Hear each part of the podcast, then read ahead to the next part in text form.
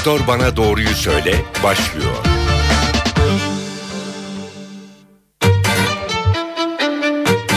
NTV Radyo stüdyolarına hoş geldiniz. Ben Öykü Özdoğan. Doktor Bana Doğruyu Söyle programıyla karşınızdayız. Vücudumuzun bağışıklık sistemimizin en önemli organlarından biri bağırsaklardan bahsedeceğiz bugün.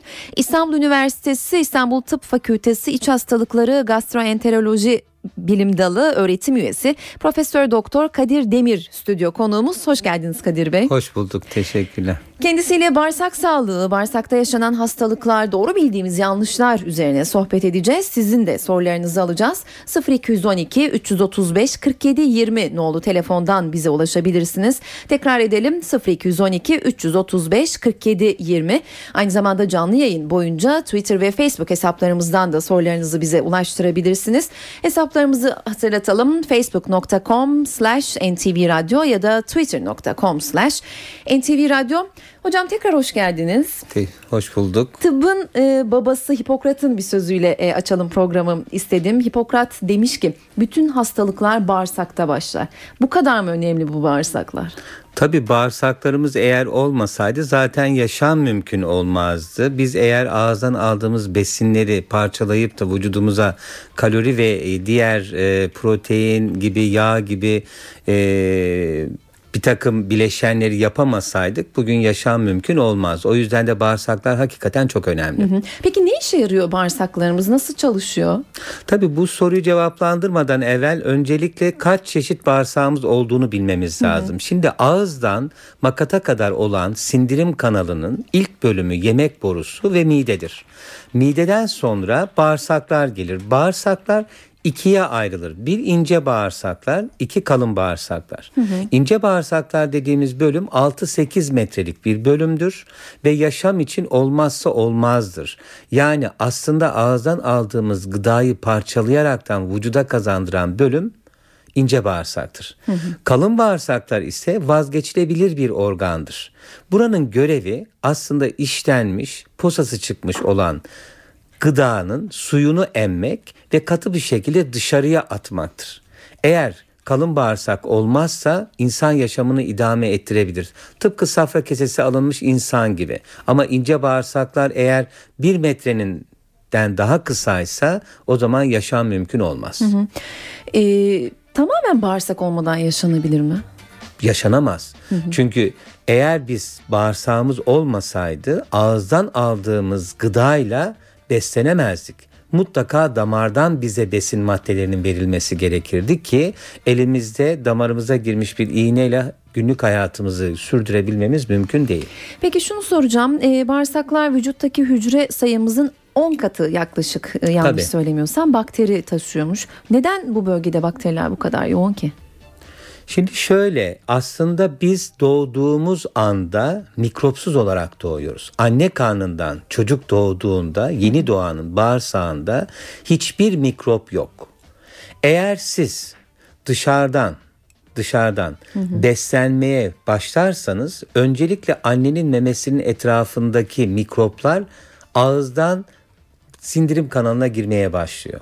Ve midedeki asitin gelişmesi, ince bağırsağın durumuna bağlı olaraktan bağırsaklar makata doğru giderek artarak çoğalıyor. Yeni doğan bir çocuğun yeni doğan bir çocuğun e, kakası suludur. Çünkü o çocuk o kakayı işleyemez. Ama 6 aydan sonra artık bağırsaktaki mikroplar, mikrobik çevre ki biz buna flora diyoruz. Hı. Mikrobik çevre, flora yerleştikçe çocuğun sindirimi olacak ve gerekenleri emecek ve dışkıda katılaşmaya başlayacaktır. Eğer bizim sindirim kanalımızda mikroplar olmasaydı biz çocuklar, bebekler gibi sürekli sıvı dışkılayan ishalli insanlar olurduk ve yaşamda pek mümkün olmazdı herhalde. Peki telefon numaralarımızı bir kez daha hatırlatalım. 0212 335 47 20 0212 335 47 20 nolu telefondan bize ulaşıp sorularınızı Profesör Doktor Kadir Demir'e bağırsak hastalıkları ve sağlığı ile ilgili sorularınızı iletebilirsiniz. Ee, bağırsağımızda bakteri olup olmadığını kendimiz anlayabiliyor muyuz? Nasıl anlıyoruz? Şimdi şöyle e, bizim bağırsağımızda zaten mikroplar var, bakteri var. Mikrop Ama bunlar değil. iyi bakteriler mi? Tabii aslında şöyle e, bir insanın e, iyi ve kötü olduğuna karar vermek mümkün değil. Çünkü her insanda iyi ve kötü yanlar vardır. Bir, bir bütünlük arz eder. Ne zaman iyi yanınız fazlaysa iyilikten, iyi insandan, ne zaman kötü yanlarınız fazlaysa da kötü insan olduğunuzdan bahsedilir. Bağırsaklarda da milyarlarca mikrop vardır. Milyarlarca bakteri vardır. Tıpkı boğazımızdaki gibi.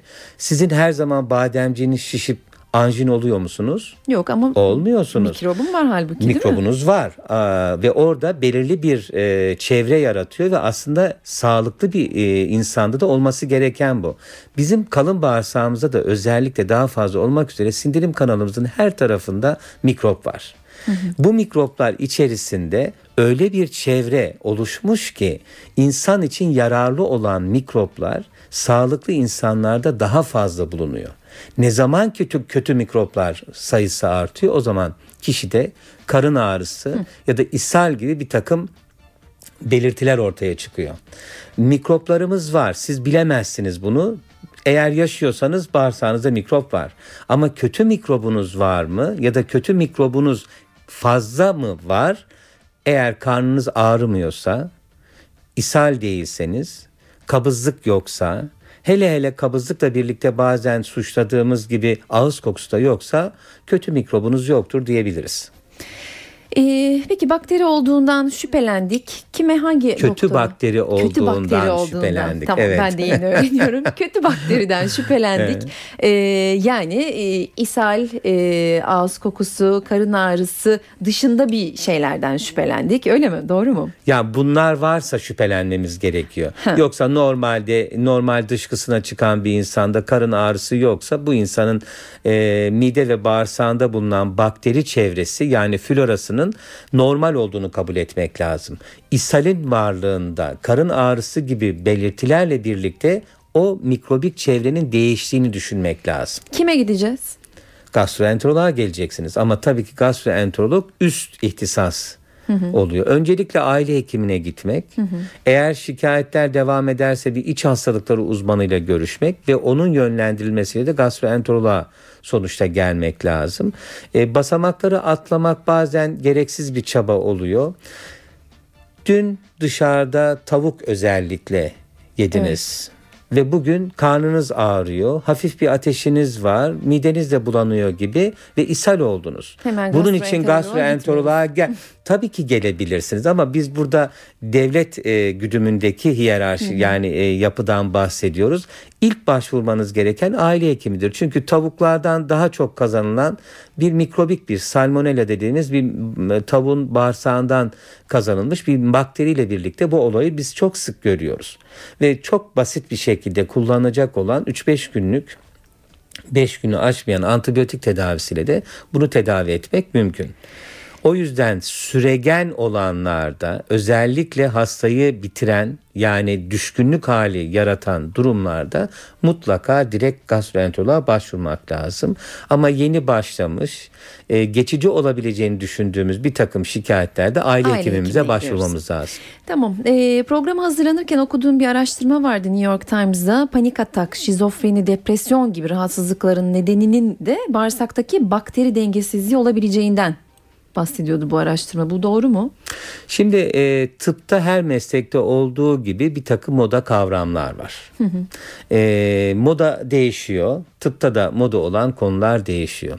Biz son 10 yılda gördük ki bizim bağırsaklarımızda yetişmiş olan mikroplar çok önemli.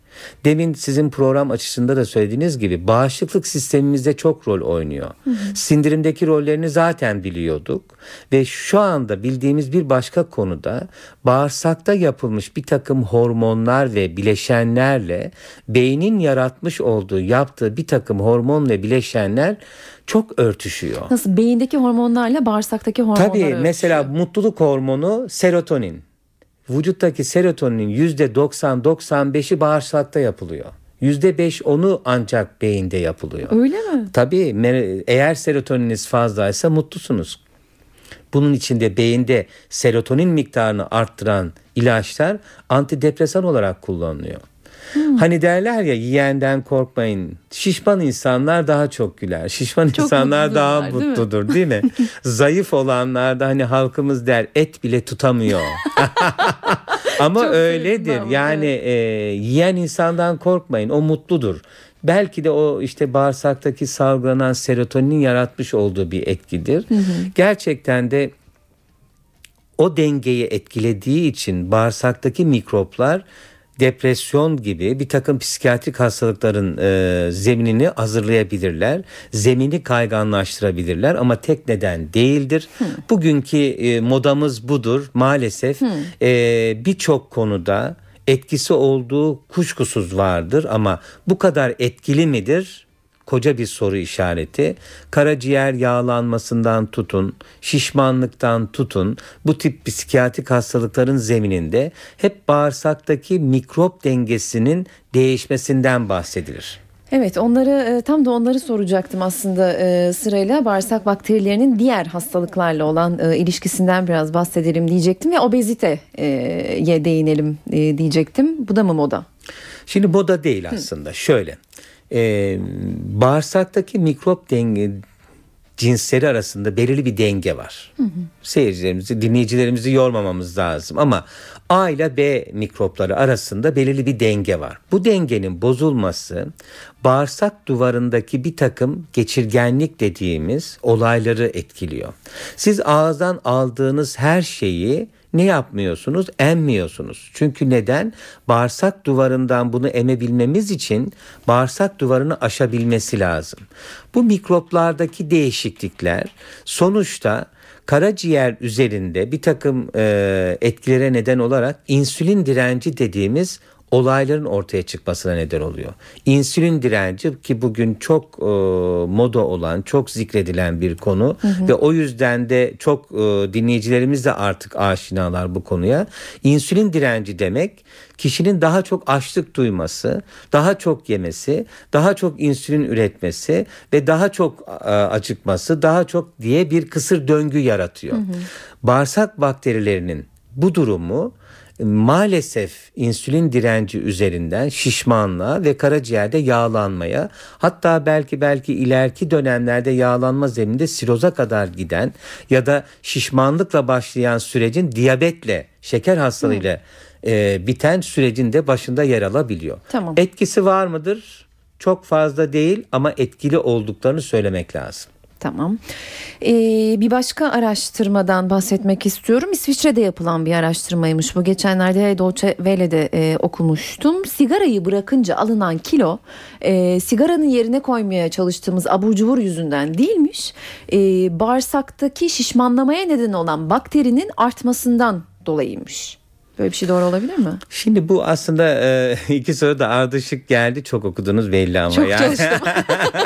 işte modayı şimdi yeni Modayı takip okuduğunuz için e, modayı öğreniyorsunuz şu anda. Evet. Never e, öğrendiğiniz için bu tip araştırmalara e, başvurabilirsiniz, bulabilirsiniz de hakikaten.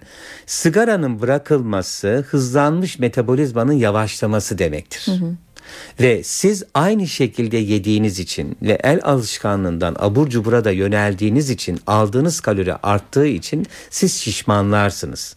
Tabii ki sigaranın bırakılması bağırsaktaki damarlar üzerindeki büzücü etki ortadan kalktığı ve bağırsakların daha iyi kanlandığı için oradaki mikrop ortamını da değiştirir.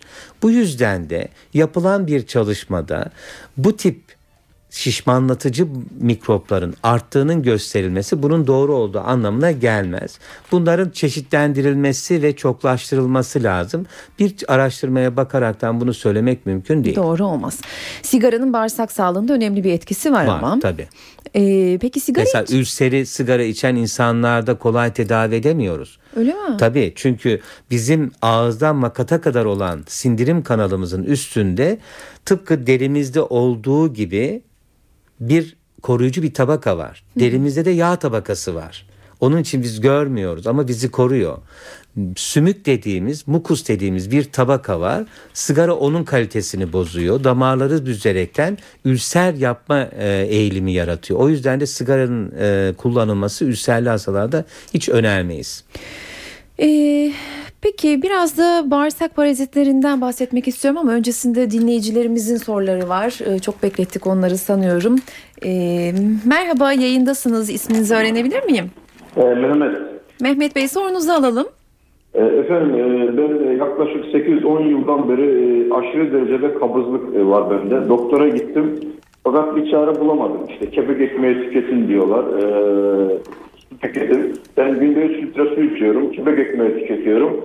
Ve sinemaki otu kullanıyorum. Acaba bu sinemaki otunun bir zararı var mı? Ve ne Soralım yapmam hocamıza. lazım? Tabii sinemaki e, otu e, ishal yapıcı otların başında geliyor ve bugün form çayların içinde hepsinde konulan insanın dışarıya daha kolay çıkmasını sağlayan bir ot. Ama zaman ile zaman ile aylar ve yıllar içerisinde bağırsaktaki hareketleri geriye dönüşümlü olarak bozuyor ve sinemaki e, sine, e, sine- ben tabii ki kulaktan gelince konuşma Sinemaki biraz zor. miydi? Sine, sinemaki e, otunun e, uzun süreli kullanımı uzun süreli kullanımı e, kabızlığa yol açıyor. Onun için de kesinlikle ve kesinlikle kullanmamanızı öneriyoruz. Küçük e, minik minik dışkılamanız oluyor mu? Eğer kullanmazsam 3 gün, 3 ve 4 gün e, şey yapamıyorum. Yani çıkamıyorum. Öncelikle e, sinemakiyi ko- e, kesmek lazım. Kepekli ekmeğe devam etmek. Günde bir buçuk iki litre kadar su içmek ve mutlaka haftada en az üç gün yarım saatten az olmamak üzere yürümek lazım. Şişkinlik eğer ek, e, ekliyse ve küçük küçük e, misket gibi dışkılamanız oluyorsa keçi pisliği gibi o zaman bir antidepresan da mutlaka e, kullanmanızda yarar var. E, böyle oluyor mu? Küçük küçük misket gibi dışkılamanız oluyor mu? Hayır, hayır hocam. Ee, şişkinlik oluyor. Ee, rahatsız edici boyutta oluyor ve dışarı çıkaramıyorum e, sinemaki içmeden. Dolayısıyla e, sinemaki içmesem benim hayatım mahvolur yani. Ama bence içmeyip bir gastroenteroloğa başvurarak onun güdümünde e, tedaviye yönlenmenize yarar var. Teşekkürler yayınımıza katıldığınız için. Bir dinleyicimiz daha var. Hatta buyurun sizi tanıyalım lütfen. Merhaba efendim, hay- e, iyi yayınlar. Teşekkürler. İyi yayınlar. Ay, sağ olun. E, ben ismimi vermek istemiyorum. Benim şöyle bir şikayetim var. Bunu doktora gitmeye de utanıyorum açıkçası. Normal insandan çok fazla e, gazım oluyor benim hocam. Bu neden kaynaklanıyor olabilir? Şişkinliğiniz var mı? Şişkinliğim yani devamlı bir şişkinliğim yok. Ancak yani nasıl diyeyim yani e, yarım saatte bir saat başı demiyor çok fazla gaz sorunum var benim. Peki kepekli Peki. yiyor musunuz? Lifsel gıda, e, çiğ meyve ve sebze yiyor musunuz? Yani 37 yaşındayım. 37 yıldır nasıl yaşıyorsam hiç ekstra bir durumum yok. Yani lise derken yazın karpuzu fazla yerim. Kışın portakalı fazla yerim. Peki e, keçi pisliği gibi e, boncuk boncuk yapıyor musunuz? Dışkınız öyle yok. oluyor mu? e, dışkımda herhangi bir o, o şekil anormallik yok. Maksimum e, iki veya üç kere büyük abdestimde çıkarım. Peki hızlı yemek yiyor musunuz? Evet biraz. Konuşurken iç çekiyor musunuz? Efendim? Konuşurken diye derin iç çekiyor musunuz? Yok doktorum. Yok. Derin Ama nefes yemek, yemek, yemek konusunda e, biraz hızlı yemek yedim. Şimdi Akciğer mide e, kaldı. Bağırsaklardaki gazın e, iki tane e, nedeni vardır. Bir tanesi yutulan havadır. Eğer hızlı konuşuyorsanız, hızlı yemek yiyorsanız yuttuğunuz hava fazla olduğu için ya geğirerek ya da yellenerek fazla gaz çıkartırsınız. Bir diğeri de deminden beri konuştuğumuz mikrobik çevredir. Mikrobik çevrede eğer gaz yapıcı bir takım mikroplar eğer diğerlerine üstünlük kurduysa o zaman siz gene gazlı bir insan olursunuz. Onun için de kısa süreli antibiyotik tedavisi kullanmak ama bu antibiyotiğin hekim tarafından belirlenip verilmesi lazım. Yararlı olabilir. Bir diğer Ay- olay da herkes gaz üretiyor ve herkes bunu çıkartıyor. Ama asansörde ama yürürken vesaire Ee, bunu çok abartmamak ve farkındalığınızı biraz aşağıya çekmeniz lazım. Hepimiz gaz çıkartıyoruz. Ama bilmiyorum da hocam benim çok fazla günde belki bir insan 30 kere 35 kere gaz çıkarmaz herhalde.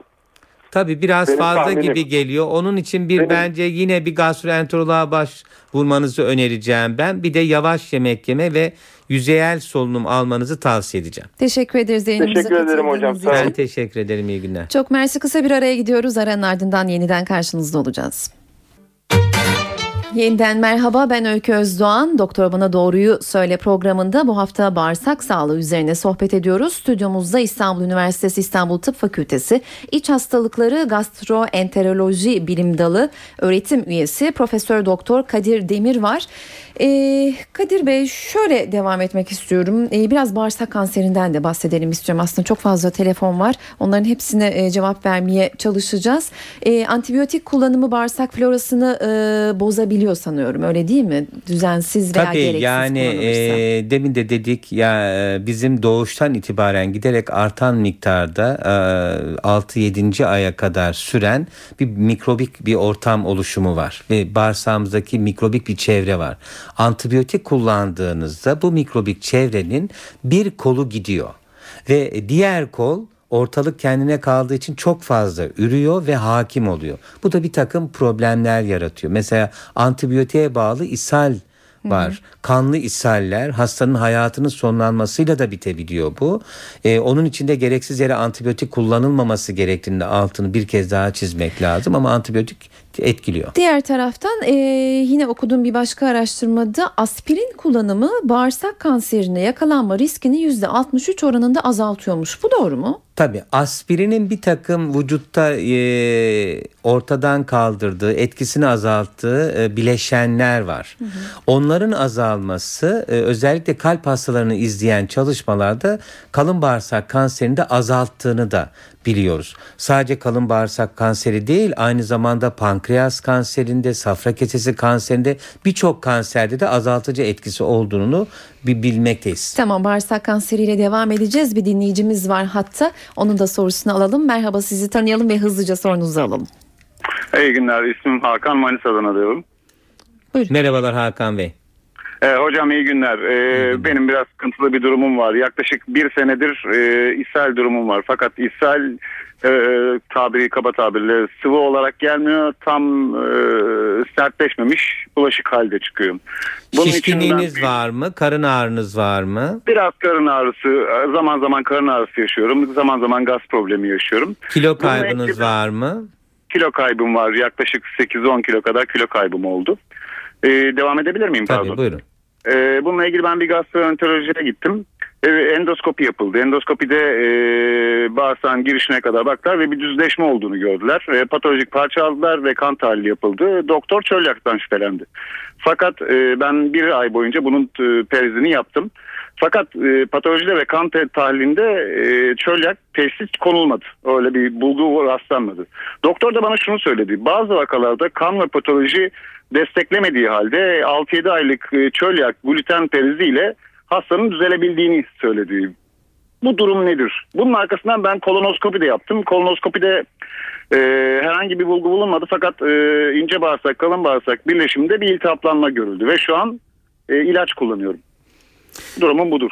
Ne e, hastalığı konuldu? Adı neydi hastalığın? Çölyak. Hayır çölyak değil. Kalın Aha, bağırsakta ince bağırsağın sorununa görebiliyoruz. Oradaki problemle birlikte size kron hastalığı falan dendi? Yani Crohn tahlilleri yapıldı fakat patolojik sonuçlar çıkmadı. Ben dolaylı yoldan öğrendim herhangi bir kanser oluşumu yok patolojik Tamam. testlerde. Fakat Crohn testinin sonucunu tabii gastroenteroloji değerlendirecek. Hakan Bey şimdi endoskopik görünümdeki düzleşme e, çölyak hastalığını düşündürür. Ama çölyak hastalığı tanısı koymak için hastaya mutlaka kan ve e, alınan parça sonuçlarını görmek lazım. Çölyak demek hayat boyu buğday, arpa, çavdar ve belki de yulafı hiç kullanmamak demektir. Sizin e, bir yıldan beri glutensiz diyet yani çölyak diyeti Yok, pardon. yapıyorum. Bir yıldan değil efendim. Bir yıldan beri ishal durumum var. Bir aydır çölyak e, diyeti yapıyorum. Gluten Tamam. diyeti. Ee, onun için birazcık beklemek gerekir. Bu üç şeyin uyumlu olması gerekiyor normalde. Klinik ishal yani parça alımı ve kan testleri. Eğer üçü arasında uyumsuzluk varsa bunun takipte karar vermek lazım. Eğer siz mutlaka diyetinize devam edin. Doktorunuz 6 ay sonra yaptığı kontrollerdeki e, değerlere göre size tam tanıyı söyleyecektir. Teşekkür ederiz yayınımıza katıldığınız için. Bir şey daha sorabilir miyim doktor bey? Tabii, Alo. buyurun. Alo. Buyurun. Peki bu kalın bağırsak, ince bağırsak girişindeki iltihabik durum benim bu ishalime sebep olabilir mi? Tabii olabilir. Siz bir kron hastası olabilirsiniz. E, araştırmak lazım. Geçmiş olsun. Teşekkürler yayınımıza İyi katıldığınız için. Diyet de çok önemli öyle değil mi hocam? Tabii diyet de çok önemli. Beslenme çok önemli bu e, konuda. Hatta programdan önce yaptığımız sohbette e, keçi kağıt yiyor ama biz yemiyoruz demiştiniz. Tabii keçi aslında kağıt yiyor, ağaçları kemiriyor. Niye? Çünkü doyduğu için yiyor. Halbuki biz kağıt yesek doymayız. Çünkü biz selülaz yok bizde. Selüloz denen o maddeyi parçalamadığımız için keçi gibi biz kağıt yemiyoruz. Peki beslenmenin bağırsak sağlığı üzerindeki etkisini bir başka uzmana soralım istedik. Şu anda telefon hattımızda beslenme uzmanı Berrin Yiğit var. Berrin Hanım yayınımıza hoş geldiniz. Merhaba, hoş bulduk. Nasılsınız? Çok teşekkürler. Ee, önce Merhabalar. şunu Merhaba. soralım kusura bakmayın programın e, sonuna yaklaşmak üzereyiz ve e, cevap veremediğimiz pek çok telefon var. O yüzden hızlıca sorup hızlıca cevap almaya çalışacağım. Ee, bağırsak sağlığı için nasıl beslenmek gerekiyor? Neleri yemeliyiz, neleri yememeliyiz? Ee, öncelikle e, bağırsaklarımızın e, vücudu temizleyen kanallar olması kadar aldığımız gıdaların da emilmesine yardımcı e, olması özelliğinden ötürü e, gerçekten çok e, hassasiyetle üzerinde düşünmek gereken bir organ. Dolayısıyla bir e, ilk bakışta e, kabızlık çok yaygın görülen bir sıkıntı ama hani insan çok fazla kendilerini kabızım diye eleştirebiliyorlar. Oysa ki sıvı almıyorlar, hareket etmiyorlar ve posa kullanmıyorlar. Dolayısıyla öncelikle bu üç sorunun cevabını vermek lazım. Sıvı alımında e, su başta olmak üzere içtiğimiz çorbalar, e, daha sulu yediğimiz e, sebze ve meyveler e, ama kesinlikle gazlı içecekler veya piyasada satılan bağırsak hareketlerini arttıran çayları kastetmiyorum. Sağlıklı su kaynaklarının alınması birinci elzem kural. İkincisi e, düzenli olarak her gün yapılan e, egzersiz boyutunda spor olabilir ya da 20 dakikalık yürüyüşler olabilir. Kişiden kişiye değişir. Ve posta lif alımı yani sebze ve meyvelerin mevsiminde olanlarından şimdi kışa girerken brokoliler, karnabaharlar gibi e, tam tahıllı ürünler, her şeyin esmer olanın tüketilmesi, kabuğunu koruyan olan e, tahılların tüketilmesi ve baklagiller. Bunlar bizim hani en e, basit anlatımda mutlaka yapılması gereken başlıca tavsiyelerimiz. Ama bunun dışında da bağırsaktaki iyi ve kötü huylu bakterilerin e, dengesini sağlayan pre ve probiyotiklerin alınması da çok önemli. E, bunların ikisinin aynı anda alınması gerekiyor. Probiyotikler biraz daha bizim piyasada yoğurtlarla tanıdığımız Evet. e, paketli gıdalar. E, bunların düzenli kullanımı şarttır. Ama yine bunların süt ürünleri, yulaf ezmeleri var. Yine kefir mükemmel bir e, içecek grubudur. Herkese tavsiye ediyorum. E, yine kış ayları için boza ve tarhana da içeriğinde canlı mikroorganizmaları koruyan e, prebiyotikler, e, pardon probiyotiklerdir. Bunların bir de daha iyi üremesini sağlayan prebiyotikler var. Onları da aslında soğan, sarımsak, yer elması, muz, tam tahıllar ve yine kuru baklagiller tüketerek alabiliriz. Bu ikisinin aynı anda olması e, bağırsaktaki bakterileri hem besliyor hem de daha iyi çalışması için destek oluyor. Denge sağlıyor. Dolayısıyla da düzenli kullanım akabinde e, yapacağımız düzenli tuvalet eğitimiyle birlikte bağırsak hareketlerinizin sağlığı korunmuş oluyor.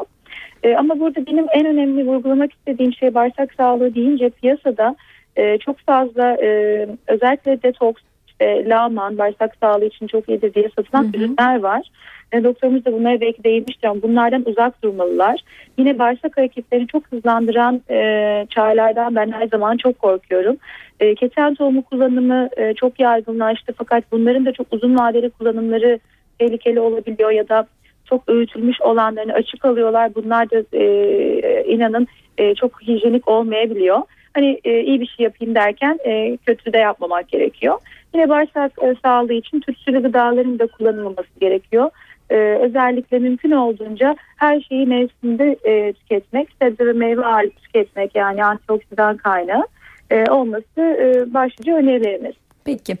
Ee, çok teşekkür ediyoruz Berrin Yiğit yayınımıza katıldığınız için. Ben teşekkür ederim. Görüşmek üzere. Görüşmek üzere. Beslenme uzmanı Berin Yiğit e, telefon hattımızdaydı. Beslenmenin, probiyotiklerin, prebiyotiklerin e, bağırsak sağlığı üzerindeki etkisini ve e, ne şekilde e, işe yaradığını, kullanılması gerektiğini aktardı. Bir dinleyicimiz daha var. Onun da sorusunu alalım. Sonra ben Tabii. e, bağırsak kanseriyle ilgili birkaç şey sormak istiyorum. Sizi tanıyabilir miyiz? Yayındasınız. Öykü Hanım, Öykü Hanım'la mı görüşüyorum? Evet. Öykü Hanım seni çok seviyorum. Yıllardır böyle açıyorum bana bağlanıyorsunuz. Ben Ankara'dan arıyorum. Sorunuzu alalım. Bülent, Tanıdım Bülent, sizi. Bülent. Buyurun Bülent Bey. Şimdi benim sorunum şu bu doktor beye soracağım. Buyurun. Aklınıza sığınarak söyleyeyim. Geceleri böyle bir buçuk litreye kadar idrar çıkarıyorum. Bu normal midir, faydalı mıdır, zararlı mıdır bunu öğrenmek istiyorum. Şimdi e, bazı hastalıklarda gece idrarı gündüz idrarından fazla olabilir. Bir kalp yetmezliği ya da bir prostat gibi bir durumunuz söz konusu olabilir. E, onunla ilgili bir nefroloğa ya da üroloğa başvurmanızda yarar var. E, iyi günler. Teşekkür ederiz yayınımıza katıldığınız için. Tarama programlarından biraz da e, bahsedelim hocam. Bu kalın bağırsak kanseriyle ilgili e, özellikle e, ne, ne şekilde ne zaman tarama programına herkes tarama programına gitmeli mi? Şimdi her şeyden evvel bunu e, söylettiğiniz için teşekkür ederim. Eğer bir ailede kalın bağırsak kanseri var ise ailenin diğer bireylerinde kalın bağırsak kanseri olma riski en az 7-8 kat artar.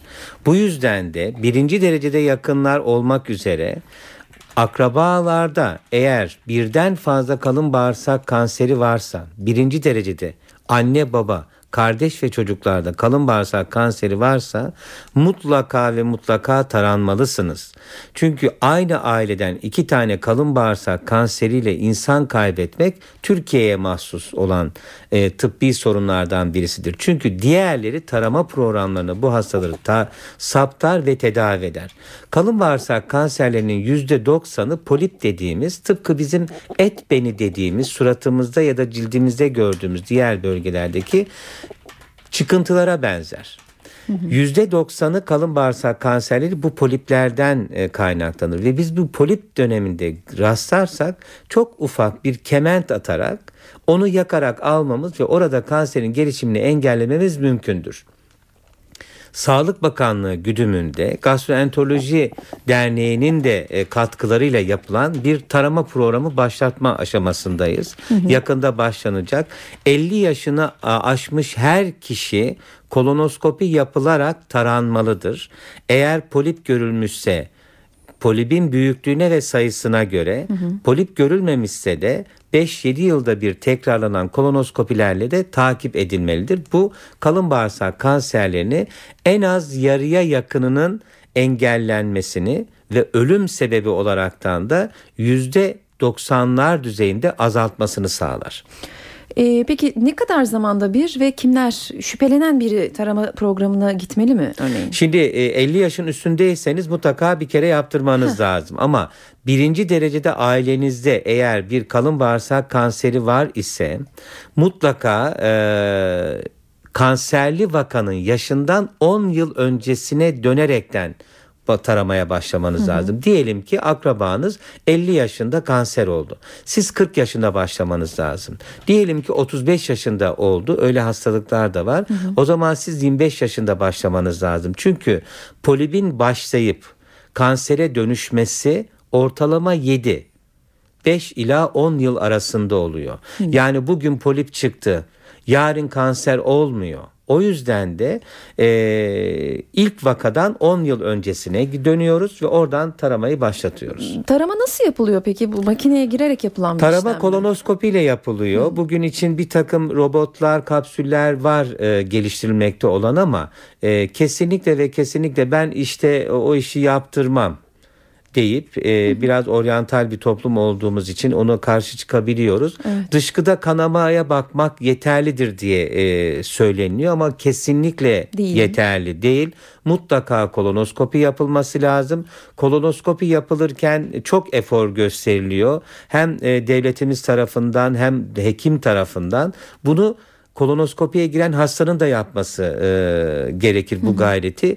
Temizlik veriliyor. Çünkü bizim kalın bağırsağımızı iyi görebilmemiz için duvarı de değerlendirmemiz için temiz olması lazım. Verilecek temizlik programına mutlaka harfiyen uymaları gerekiyor. Peki telefon numaralarımızı bir kez daha hatırlatalım. 0212 335 47 20 nolu telefondan bize ulaşıp bağırsak sağlığı ile ilgili sorularınızı stüdyodaki konuğumuz Profesör Doktor Kadir Demir'e e, iletebilirsiniz. Ee, yaşlılarda bağırsak çok önemli bir gösterge öyle değil mi? Çünkü kimi zaman ilk önce bağırsak çökebiliyor yanlış bilmiyorsam. Tabii şöyle demek lazım. Aslında yaşlanmayla birlikte bütün organlarımız yaşlanıyor. Ne oluyor? Gözümüzde yakını göremiyor biliyoruz değil mi? Ee, bağırsağımızda olan değişiklikler tıpkı cildimize benziyor. Hı hı. Neden kırışıyoruz? Çünkü cilt kaslarımız zayıfladığı için kırışıyoruz. O yüzden de bağırsakta da aynı yaşlanmayla birlikte bağırsağın hareketlerini sağlayan kaslarda bir yaşlanma oluyor. Bunun iki tane getirisi var. Bir tanesi hareketler yavaşladığı için kabızlık meyli oluyor. Hı hı. Yani yaşlı insanlar daha zor dışarıya çıkıyor. İkincisi de duvardaki bütünlük özellikle damarların girdiği yerde bozuluyor. Sonuç divertikül dediğimiz tomurcuklanmalar oluyor. Hı hı. 60 yaşına gelmiş her beyaz insanın yarısında divertikül dediğimiz bağırsaktaki kaslardaki bu yaşlanma defektiyle birlikte ortaya çıkmış tomurcuklanmalar var. Bu da şunu getiriyor. Bazen kanama yapıyor, bazen iltihap yapıyor hı hı. ki yaşlılarda özellikle e, karın ağrılığının önemli nedenlerinden bir tanesi ama daha çok kabızlığa neden oluyor. Ve bağırsağın e, çökmeye e, başlamasıyla Tabii çökme birlikte nedir çök, bilemiyorum ama. Çok, ağır bir kelime oluyor galiba. Bağırsakta yaşlılarda sorun e, belirmeye başladıktan sonra sanki bir de zincirleme e, diğer organlara da sıçrıyor gibi mi yoksa artık bu bir yaşlılık göstergesi? Artık bir yaşlılık göstergesi. Boşaltım faaliyetleri çok önemli. İdrar yapma, e, orgazm yahut da dışarıya çıkma, kakanızı yapmak büyük bir keyif. O yüzden de kabız olmayan insanın mutlu olabilmesi mümkün değil. Peki bir dinleyicimiz var hatta onun da sorusunu alalım. Merhaba hızlıca adınızı ve sorunuzu alalım lütfen. Alo. Alo. Hızlıca adınızı ve sorunuzu alabilir miyiz? Ee, ismim Halil Malkoç. Tekirdağ'dan arıyorum. 3,5 yaşında çocuğum var. Ve bunda kabızlık şikayeti var. Onun hakkında bir bilgi alacaktım doktorlar. Kabızlık şikayeti doğduğundan beri mi var yoksa sonra mı oldu? Ee, hocam bu diyafram annesinden ameliyat oldu. İki ay önce aldılar anne karnından çocuğu. Çocuk arada sırada ataklar geçiriyordu. Biz bunu götürdük e, doktora falan. Böyle bağırsağını şey yapsın diye, yumuşatsın diye ilaç verdiler. O ilaç fazla etmedi. Şimdi biz çocuğa balık yağıyla, balık yağıyla Şimdi beslenme ile ilişkili olabilir. Kabız olan çocuklarda hareketi sağlamak için hafif yağlı yemekler yedirmekte yarar vardır ama e, bizim çocuğumuz e, ameliyat geçirmiş olan birisi karın ameliyatı geçiren insanlarda yapışıklıklar olur ve bu yapışıklıklarla da birlikte bağırsak hareketleri bozulduğu için ataklar halinde kabız ve sonrasında da ishal ataklar olur. Muhtemelen atak dediğinize göre zaman zaman da bu çocuk iyi dışkılıyor. Değil mi? Ee, iyi dışkılıyor. Şöyle biz bu yağı vermediğimiz zaman dediğiniz gibi böyle e, keçi şeyi gibi. Keçi pisliği gibi, gibi dışkılıyor. Çocuğun bir de psikiyatrik yönden de değerlendirilmesi lazım. Birazcık e, erken ameliyatın onun getirdiği sorunlarla birlikte bir psikoloğun gözetiminde de kalmasında yarar var. Teşekkür ederiz yayınımıza katıldığınız için. Bir dinleyicimiz daha var. Sizin de adınızı ve sorunuzu hızlıca alalım lütfen. Ben ismim Kaya Büyükyıldız. Ankara'dan arıyorum. Benim hocama sorum şu olacak. Daha önce ben e, bağırsak problemi yaşamıyorum hocam. Ancak e, bazen oluyor 3 gün 4 gün büyük tuvaletime çıkmadığım oluyor. Bazen oluyor günde 4 defa çıktığım oluyor. E, yani normal mi Şimdi Yoksa ben size onu isterseniz tanınayım. Normal bir dışkılama nedir? Bir insan bir günde 3 ya da 3 günde bir dışkılıyorsa sayı olarak yumuşak yeterince yumuşak ve şekilli çıkartıyorsa çıkartırken zorlanmıyorsa ve yaptıktan sonra bir rahatlık hissediyorsa bu normal kakasını yapıyor demektir. Bunun dışındaki haller e, anormal olabilir. Sizin birazcık e, mükemmelliyetçi bir yapınız e, ve planlı evet. programlı yaşayan bir yapınız varmış gibi geldi sesinizden. Evet. Biraz evet. daha evet. boş ver deyip de kulak arkasına atarsanız o sayıdaki tamam. değişmeler daha az olacaktır. İyi Peki, günler. bir soru daha sorabilir miyim hocam? Tabii buyurun. Şimdi benim e, annemin dayısı mide kanserinden vefat etti. Annemin amcası da mide kanserinden vefat etti. Mutlaka ve mutlaka annenizin birinci derecede mide kanseri olduğu için midesine bakılmalı ve mide mikrobu varsa o tedavi edilmeli. Teşekkür, Tedavi edilmeli. Peki. Tabii. Teşekkür İyi ediyoruz günler. yayınımıza katıldığınız için. O zaman gelen sorulardan da anlaşılıyor ki çünkü e-mail ile de gelen e, birkaç soruda aynı e, konu sorulmuş. E, bağırsak sindirim boşaltım sistemiyle insan psikolojisi e, çok ilintili. Çok ilintili. Yani iki taraflı ilintili. Ee, şişman olan insanlar daha mutlu, zayıflar biraz daha gergin e, oluyor.